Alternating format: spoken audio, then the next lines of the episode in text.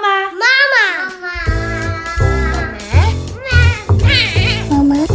Welkom in de podcast van Mama Baas. Mijn naam is Tine de Donder en ik ben de gastvrouw van deze podcast. Wat mag je hier allemaal verwachten?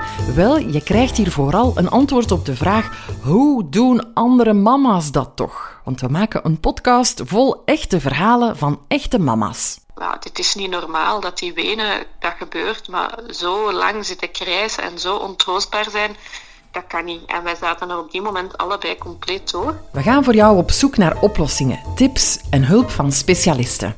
Het mentale is ook bij een baby, ook bij een piepkleine baby, superbelangrijk en kan echt pijn geven aan een kindje. En daar, daar moet je gewoon iets mee doen. Als je mama of papa het gevoel hebt dat er iets niet klopt, moet het doorgaan. Zo hopen we jouw verhalen te brengen waarin jij jezelf of jouw situatie misschien herkent en waaruit je troost of steun kan halen.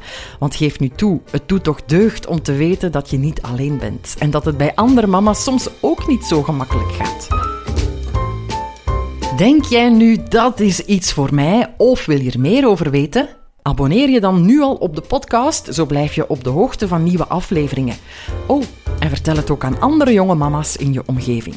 Het is eigenlijk simpel. Neem gewoon een momentje voor jezelf en luister waar en wanneer je maar wil een half uur per keer naar onze gloednieuwe Mama Baas podcast. Vanaf september 2020 op alle podcastkanalen. Tot dan!